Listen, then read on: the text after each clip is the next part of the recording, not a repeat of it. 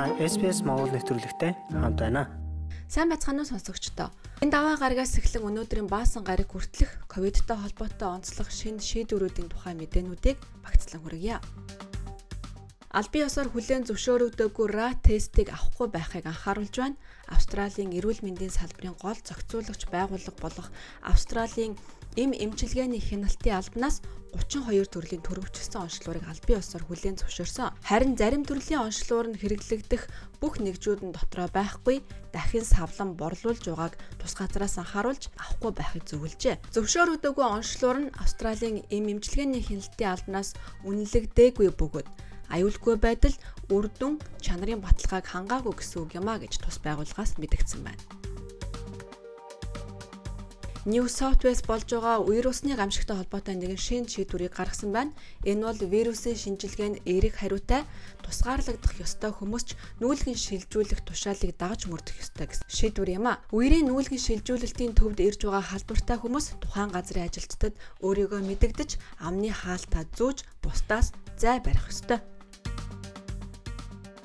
Өнөөглөний 6 цагаас эхлэн Queensland мужид ихэнх дотор газар маск заавал зөв хязгаарлалтыг цуцлаж байна. Ажлын байр, сургууль, цэцэрлэг, кафе, ресторан, паб зэрэг ихэнх дотоод орчинд тэнд ажиллаж байгаа болон үйлчлүүлж байгаа хүмүүс маск хэрэглэх шаардлагагүй болно.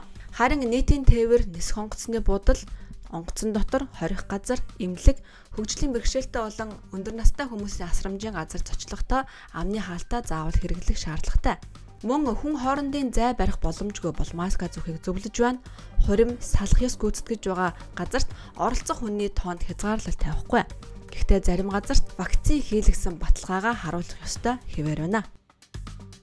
Western Australia олон улсад болон Австралийн бусад муж бүс нутгуудад хилэнэлээ.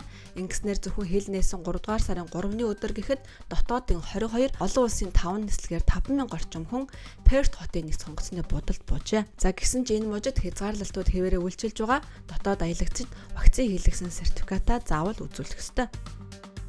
Northern Territory-д эх 7 хоногийн даваа гариг буюу 3 дугаар сарын 7-ны өдрөөс эхлэн дотор орчинд заавал маск зүүхийг шаардахгүй болно гэж эрүүл мэндийн сайд нь мэдгдлээ. Виктория мужид PCR шинжилгээ өгөөд 450 доллар хүсэлт гаран авдаг байсныг өнгөрсөн мягмар гаригаас эхлэн зогсоолоо. Энэ мужийнхан PCR шинжилгээ өгөөд хариу гартал өөртөө тусгаарлаж ажилдаа явуулгүй байх ёстой. Энэ хугацаанд хүсэлт гаран дээрх мөнгийг авдаг байсан юм а. Бүрэн вакцин хийлгэсэн эрх бүхий Австралийн аялагчид Шинэ Зеланд улс руу тусгаарлалтгүйгээр зорчдог болно.